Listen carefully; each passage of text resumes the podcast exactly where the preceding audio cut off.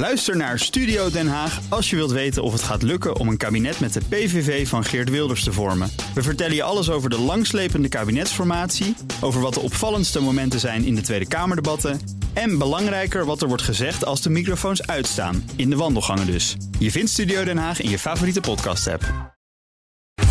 Tech Update. En Stijn Goosens is binnengekomen. Hey Stijn, goedemiddag. Goedemiddag. Ja, dit gaat niet over mijn kinderen, maar Nederlanders kijken minder naar Netflix. Nee, dat merk jij niet. Nee, thuis is dat... Uh... Nee, maar ja, marktonderzoeksbureau GFK merkt dat wel. Die peilde het gebruik van online media in Nederland afgelopen maand. En het kwam uit op een 69 miljoen bezoeker, eh, bezoekers uh, aan de online streamer. Uh, dezelfde maand, twee jaar terug, waren dat er nog 72 miljoen bezoeken. Maar toen was het corona. Ja, dat was ook in ja. eerste instantie mijn gedachte. Maar uh, volgens uh, uh, onderzoeksbureau GFK komt dat ook door de nieuwe maatregelen die Netflix treft. Want zij zagen ook dat mensen die het account van iemand anders gebruikten, de maatregelen van Netflix, dat ze je niet meer zomaar illegaal een account kan delen. Ehm, het onderzoeksbureau zag dat als ja, mensen het account delen, dat ze nu toch 40% minder dan normaal het account hm. gingen gebruiken. Terwijl mensen met een eigen abonnement juist vaker een film of serie keken. En ik dacht inderdaad ook, ja, dat zal dan toch wel corona zijn. Want ja. twee jaar geleden zaten we midden in die pandemie en toen deden we niks anders. Uh, maar ook uh, ja, concludeert GFK dat in totaal meer dan de helft van de Nederlanders boven de 13 jaar vorige maand sowieso een streamingdienst gebruikte. Dat zijn 7,8 miljoen mensen. Nog steeds heel erg veel.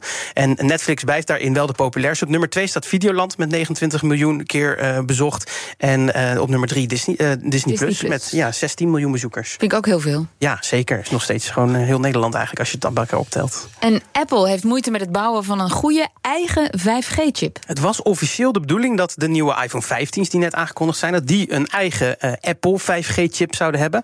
Uh, tot nu toe werden die door Qualcomm geleverd. En dat zal de komende drie jaar niet veranderen, want beide partijen hebben de deal verlengd tot 2026. En nu is via de Wall Street Journal duidelijk geworden waarom dat zo is. Uh, Apple heeft namelijk grote moeite om met een eigen goede 5G-chip te komen. Ze zouden volgens de Amerikaanse krant nog zo'n drie jaar achter liggen in ontwikkeling.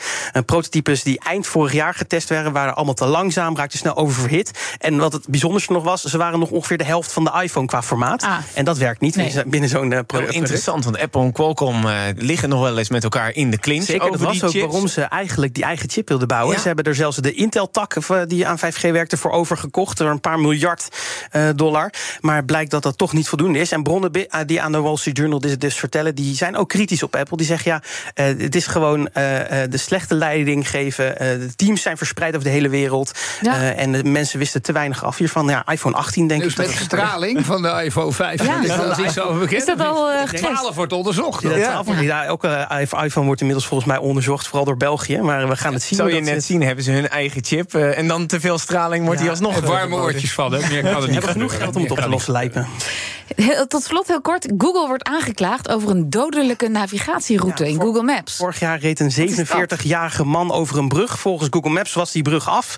Maar hij was gewoon kapot al jaren. En hij reed zo uh, de rivier in, overleed. En nu wordt Google daarom aangeklaagd. Omdat ze nou ja, nalatig zouden geweest zijn in het updaten ervan. Was namelijk meerdere keren wel aangegeven dat die brug kapot was. En ook bedrijven die dit brug zouden moeten onderhouden zijn aangeklaagd. Maar je moet toch altijd even aanklikken dat je zelf ook oplet. Dat je niet uh, ja, door het water naar deze man reed of zo. Deze man reed in de nacht, uh, een regenachtige nacht. En wat ik nog het ergst vond, hij kwam van de verjaardag van zijn dochter vandaan. Oh. Ach, ja. ja drama. Ja.